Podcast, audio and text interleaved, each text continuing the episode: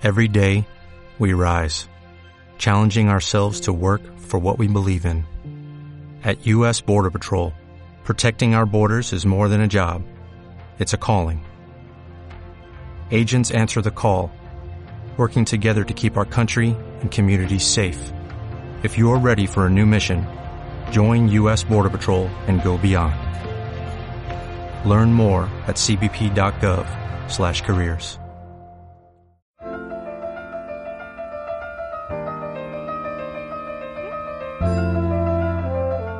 Amics i seguidors de Radio Delta, bon dia. Soc Dolores Jiménez, escritora, i com tots els divendres vinc a presentar-vos Escoltem i Sentim.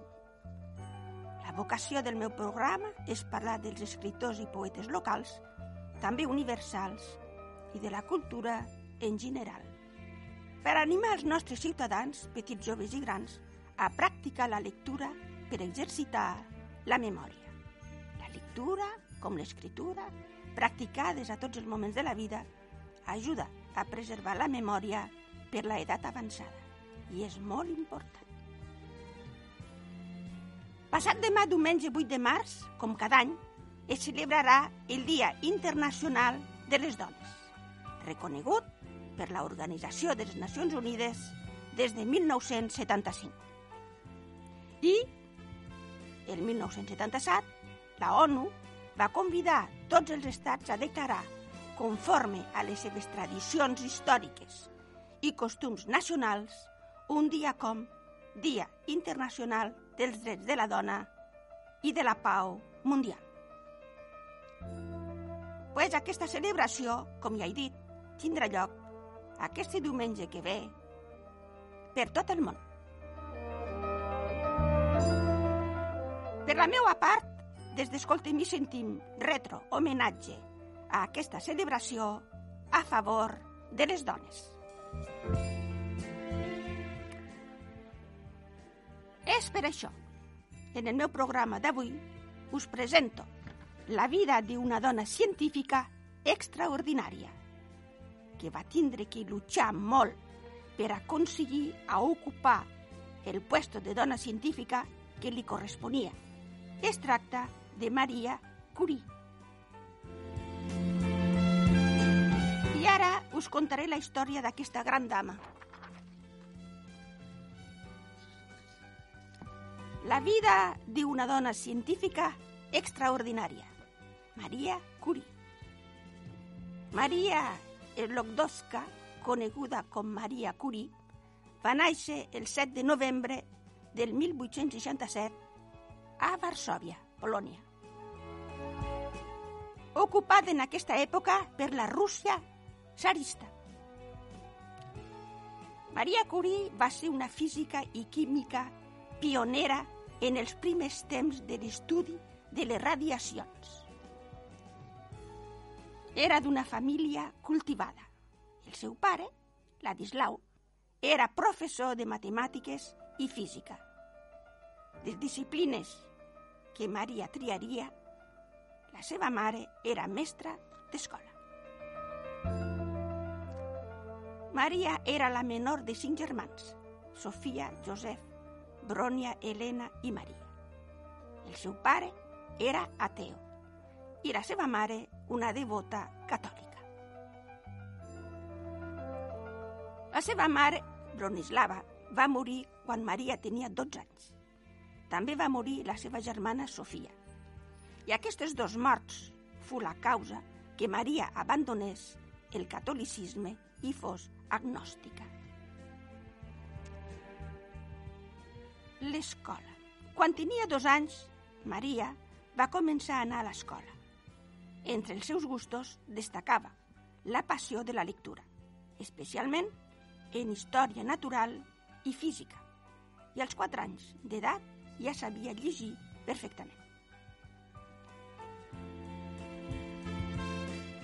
L'ocupació russa havia imposat la seva llengua i els seus costums, i juntament amb la seva germana Helena, Maria assistia a classes clandestines ofertes per un pensionat en les quals s'ensenyava s'ensenyava cultura polonesa.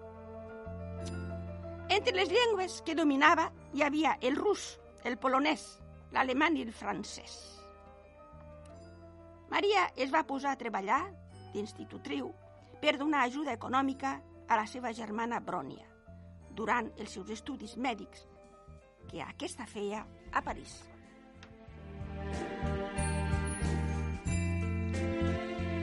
Bònia, la germana, es va casar i va convidar a Maria a unir-se a ells a París.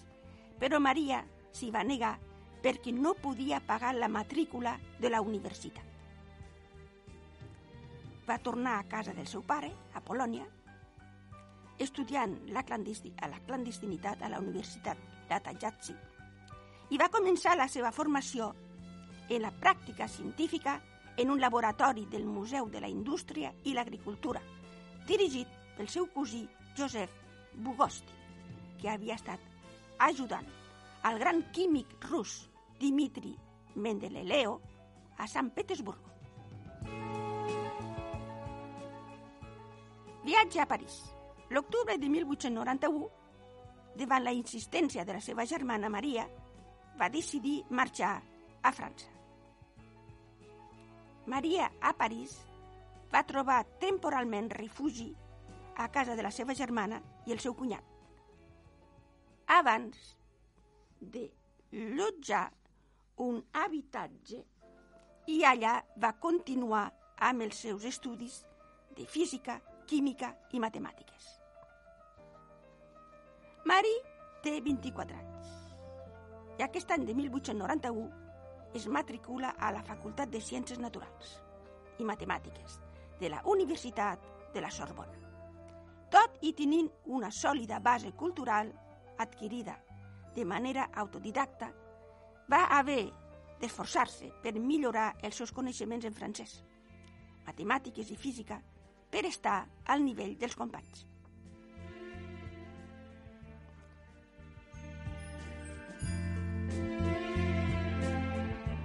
A la gran universitat de París, la Sorbona, hi havia tan sols 210 dones matriculades, entre 9.000 estudiants. Maria, estudi Maria estudiava durant el dia i feia autories a la nit, guanyant només el suficient per a viure. El 1893 es llicencià en física, amb el primer lloc de la seva promoció. Poc després va començar a treballar en un laboratori industrial. Mentrestant, va continuar estudiant a la Sorbona i en 1894 obtingué la llicenciatura en matemàtiques amb el número 2 de la seva promoció. Per finançar-se els estudis de matemàtiques, acceptà una beca de la Fundació Alexandrovich, 6.000 rublos, que van ser restituïts per Maria més tard.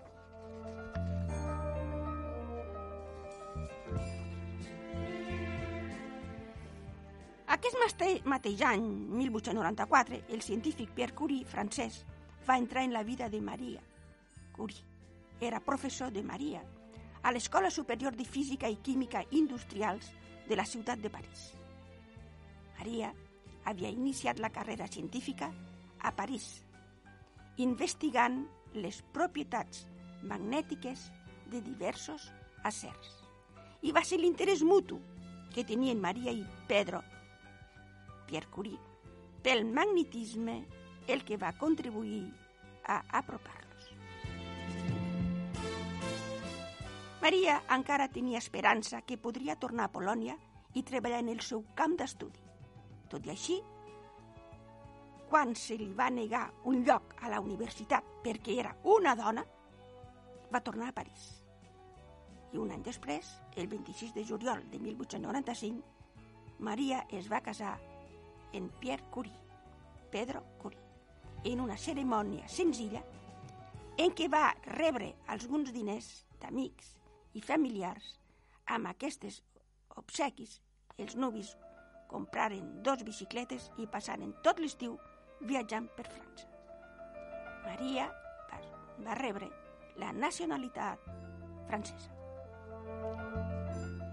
Les úniques aficions compartides eren les llargues passejades en bicicleta i els viatges a l'estranger que els van unir encara més. El matrimoni va tindre dos filles, Irene i Eva. Rayos X. En 1846 naix Wilhelm Conrad Rockden, va ser un físic alemany descobridor de la ràdio electromagnètica en longitud dona origen dels raions dels rayos X. Guardonat amb el Premi Nobel de Física l'any 1901 i el 8 de novembre de 1895 descobrí los rayos X. Els diaris es feien reso del descobriment, sent a partir d'aquell moment els rayos X aplicats a tots els camps de la medicina.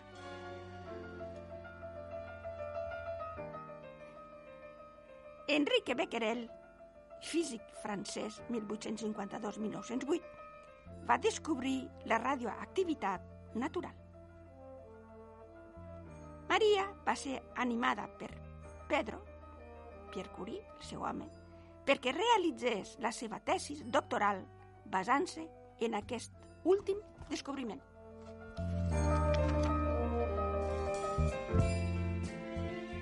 Les investigacions dels dos científics, Maria i Pedro Curie, seguien un mateix camí, l'estudi de la radioactivitat.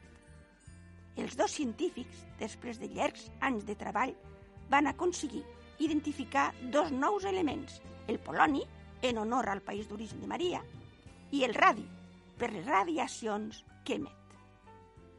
Les investigacions de Pierre i Maria Curie sobre els efectes fisiològics produïts per les radiacions constitueix en la base de la radioteràpia actual. El 1903, Maria Curie i Pierre Curie i Enrique Becquerel van ser tots tres galardonats amb el Premi Nobel de Física. La radioteràpia és la tècnica d'aplicació de radiacions per al tractament de les malalties. Serveix per destruir les cèl·lules canceroses.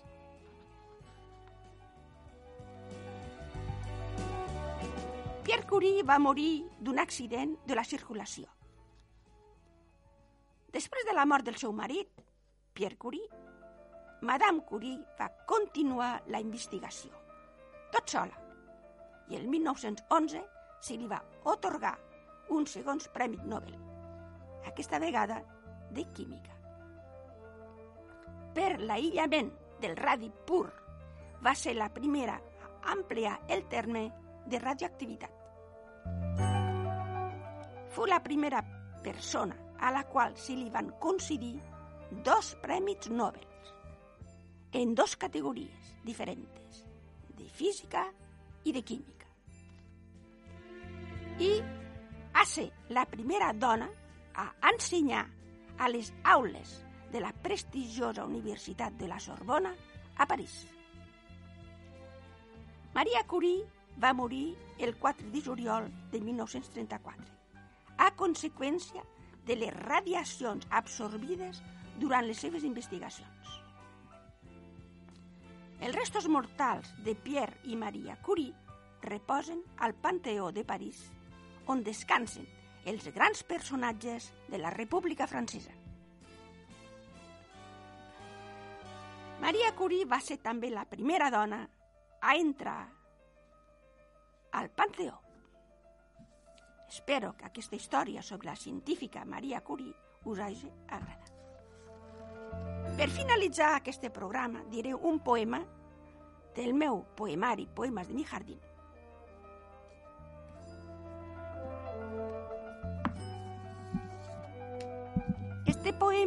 Conclusión, poema de conclusión, va acompañado de su símbolo, un bonito ramo de flores surtido de colores diferentes. En mi jardín tengo una hermosa planta llamada gerbera que produce flores de varios tintes y en su lenguaje expresa simplicidad y alegría. Esta planta popular, originaria de África, es conocida por Margarita de Transvaal.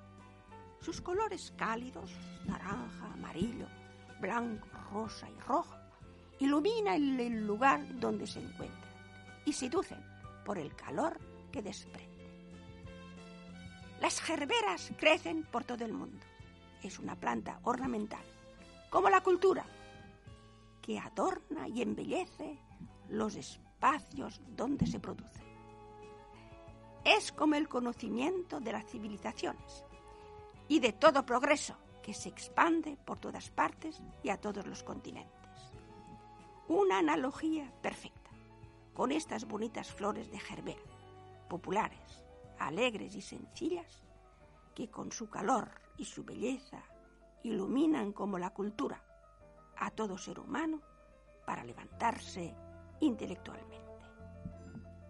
Gracias, queridos todos, que mis poemas, símbolos y flores os llenen de amor, paz y alegría.